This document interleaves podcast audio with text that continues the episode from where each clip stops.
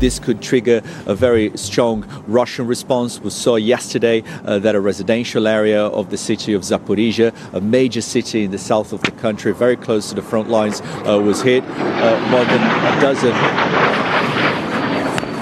So Det vi hör är hur BBCs reporter tvingas ducka när en missil slår ner strax utanför hotellet han bor på i Kiev.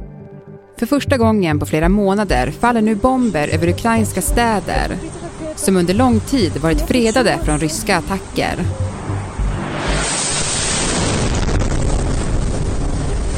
På en kvart får du veta vad eskaleringen innebär och vad den kan få för konsekvenser. Det är tisdag den 11 oktober. Det här är Dagens Story från Svenska Dagbladet med mig, Alexandra Karlsson.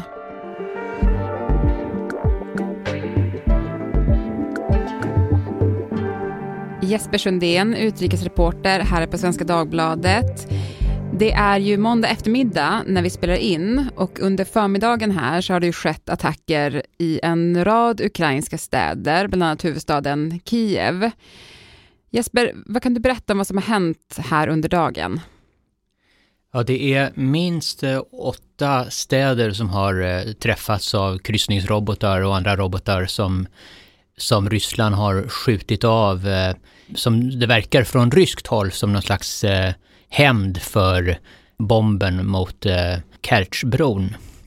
Alltså bron mellan Ryssland och Krim. Mm, som skedde i helgen. Som skedde i helgen, ja. Och eh, det är väldigt många civila som har dött, men det har också slagits ut eh, väldigt viktig infrastruktur, el, el och vatteninstallationer. Eh, Vad innebär det här då för de som bor i de här städerna som just nu attackeras? Ja, dels så är det ju en fruktansvärd upplevelse naturligtvis och ingjuter skräck i befolkningen. Men sen är det ju också så att eh, de har slagit ut eh, viktig infrastruktur så att det är elavbrott och, och problem med vattenförsörjningen. Det, det, visar ju på vad de kan göra inför vintern. Så, så vad händer då om man gör det här när det är, är 20 minus? Eh, mm. Det, då är det en helt annan situation. Det är ju ett sätt att skapa skräck och problem. Det är ren terror helt enkelt. Ja, och nu attackeras ju också städer som har varit fredade en tid, till exempel huvudstaden.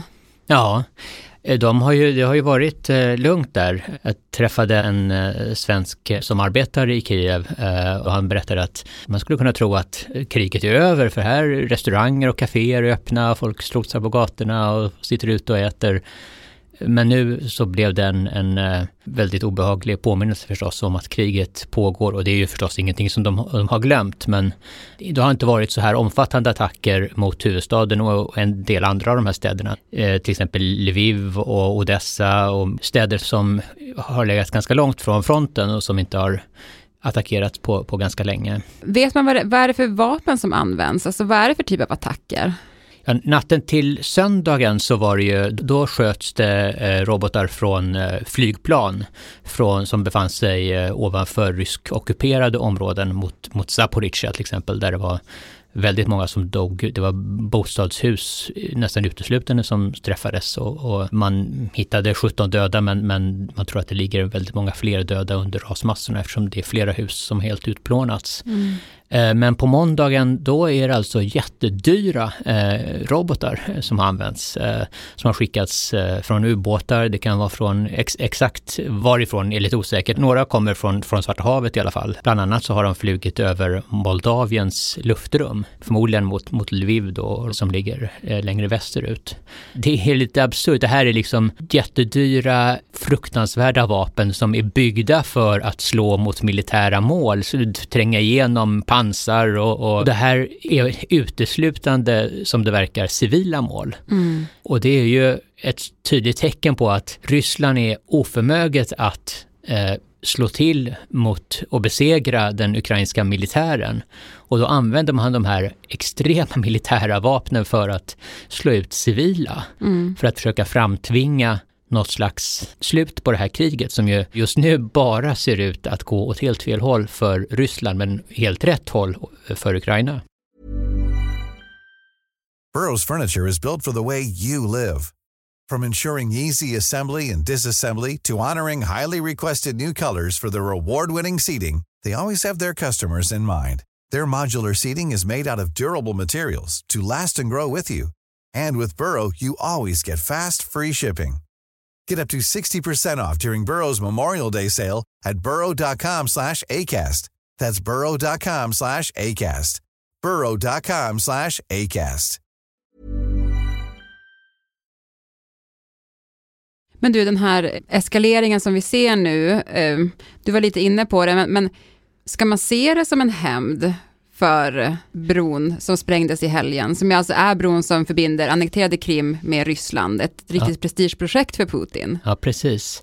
Det är en diskussion i, i, sociala medier om att man ska inte säga att det här beror på att bron sprängdes då lägger man över ansvaret på de som har sprängt bron. Och det finns en poäng med det resonemanget därför att bron är ett legitimt mål enligt eh, internationell rätt eftersom den används för att skicka in vapen och soldater för att genomföra den här illegala ockupationen av Krim och av andra områden i Ukraina.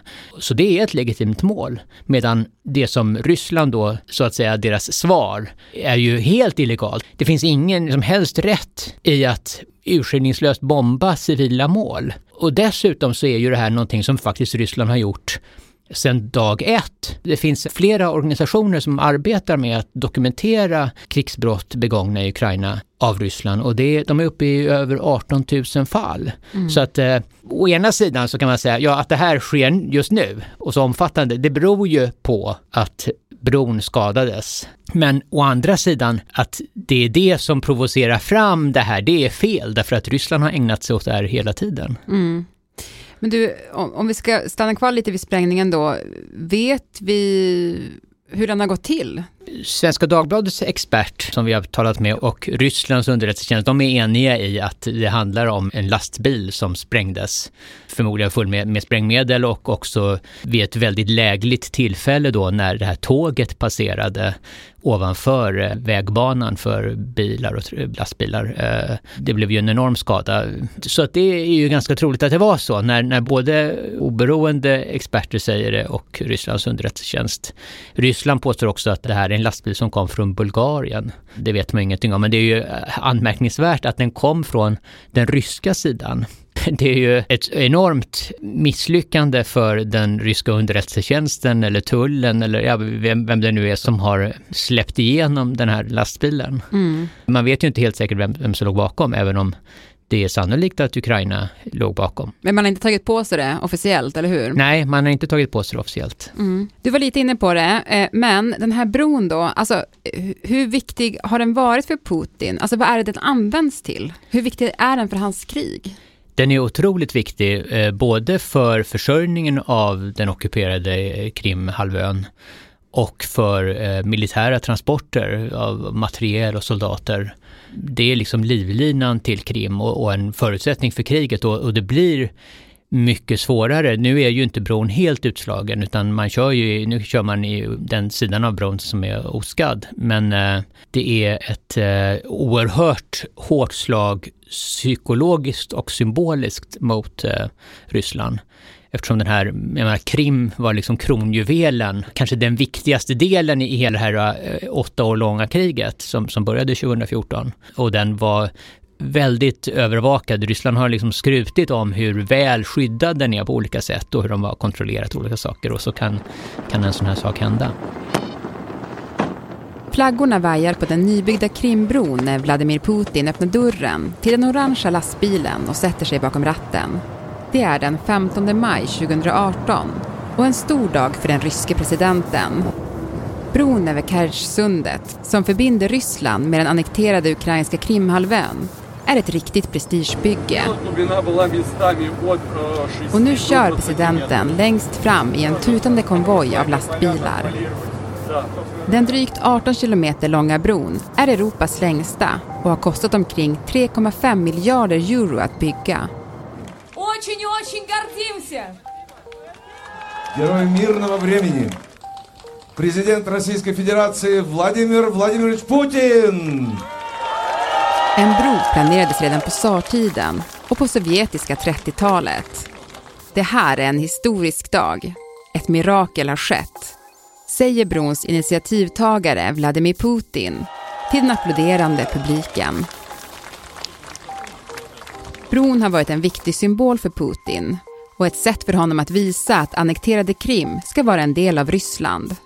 Men Ukraina har hela tiden ansett att bron är olaglig och att bygget av den strider mot internationell lag. Hur har det låtit då i, i rysk stats-tv efter den här sprängningen? Ja, de har ju varit jättearga. De har ju pratat mycket om hämnd. Det är ju många som har pratat om att ja, nu är det dags att använda kärnvapen. Kadyrov, bland annat Ramzan Kadyrov, Tjetjeniens president. Eh, har kärnvapenhotet ökat? Eh, kärnvapenhotet har ju ökat eftersom Putin upprepade gånger har hotat med kärnvapen. Han gjorde faktiskt det redan i februari, men i augusti nu så gjorde han ju det senast på ett väldigt tydligt sätt och, och varnade för det här. Men eh, många bedömare menar ju att det här är ett tecken på desperation. I augusti så sa han att ingen kan vinna ett kärnvapenkrig. Nej, och varför hotar han då med kärnvapen? Alltså det, det är ju för att kriget går så dåligt. Många bedömare menar ju att det här är ett tomt hot, för att han har absolut ingenting att vinna på det. Det han vill är förmodligen Putin är att skrämmas så att man kan få en vapenvila nu och frysa situationen på marken innan Ukraina tar ännu mer. Mm. Det, det kommer inte lösa någonting. Mm. Utan det enda som kan lösa något här är att Ryssland besegras eller att Ryssland drar sig tillbaka under ordnade former om man kan komma överens om det. Mm. Men det kommer man ju inte göra så länge Putin sitter kvar. Nej. I Kreml då? Är alla okej okay med det här? Eller finns det konflikter där? Det, det, är ju så att i Putins innersta krets så är ju alla väldigt lojala och alla har ju vunnit så enormt mycket pengar på det här, det system som Putin har skapat och, och Samtidigt så har ju Putins eh, krig nu, de hot, det hotar ju allt det här med eh, sanktionerna. Så att det finns ju ett gryende missnöje som mm, olika underrättelseorganisationer i väst eh, rapporterar om. Och det senaste är ju att det sägs att det är en person i den innersta kretsen som, som öppet har kritiserat och motsatt sig kriget. Och, och det är ju eh, Jurij Kovalchuk. Han kallas eh, Putins bankir eh, och han är ordförande för en av de största bankerna, Rosia Bank. Han har en, en sån position så han kan nog säga det här till Putin utan att bli mördad, utkastad från ett fönster eller, eller att Putin känner sig eh, så hotad så att han måste göra sig av med honom. Men samtidigt, om han gör det så är det nog, han gör det nog inte ensam. Då är, finns det nog fler som tycker som han. Det är ändå ett tecken på att eh, ja, folk fattar att det här funkar inte. Mm. Omvärlden, eh, jag har sett en del reaktioner från andra ledare, men vad har du sett? Är det någonting som du har tänkt kring på den här eskaleringen nu? Ja, Frankrikes president Emmanuel Macron, han har pratat med Zelensky idag och sagt att han ska skicka fler vapen och han var inte så exakt, men det som eh, blev tydligt nu är ju att eh, Ukraina behöver mer eh, luftvärnssystem. Och jag tror att eh, vi kommer att se mer leveranser. Och, och, USA har ju hållit tillbaka. Ukraina vill ju ha långtgående artilleri och system som eh, USA än så länge har sagt nej till, att de är för kraftfulla och, och, USA vill inte eskalera det utan de vill hålla det på den här nivån. Och där ändå Ukraina är framgångsrikt. Men, men det finns ju en eh, möjlighet, eh, en risk för Ryssland att de faktiskt eh, skickar kraftfullare vapen till Ukraina nu efter de här terrorbombningarna. Mm. Ja, vi får, vi får se. Mm. Tack Jesper för att du var med i Dagens Story. Tack. Hej, jag Ryan Reynolds. Recently, I asked Mint Mobiles legal team if big wireless companies are allowed to raise prices due to inflation. They said yes. And then when I asked if raising prices technically violates those onerous two-year contracts, they said, what the f*** are you talking about, you insane Hollywood ass?" So to recap, we're cutting the price of Mint Unlimited from $30 a month to just $15 a month. Give it a try at mintmobile.com slash switch. $45 up front for three months plus taxes and fees. Promo for new customers for limited time. Unlimited more than 40 gigabytes per month. Slows. Full terms at mintmobile.com. Programmet idag producerades av Kajsa Linderoth, redaktör var Erika Hallhagen och jag heter Alexandra Karlsson. Vill du kontakta oss så mejla till dagensstory.svd.se. Klippen i programmet kom från A lot can happen in three years, like a chatbot may be your new best friend. But what won't change? Needing health insurance. United Healthcare Tri Term Medical Plans, underwritten by Golden Rule Insurance Company, offer flexible, budget friendly coverage that lasts nearly three years in some states. Learn more at uh1.com. BBC, BNO News och NBC.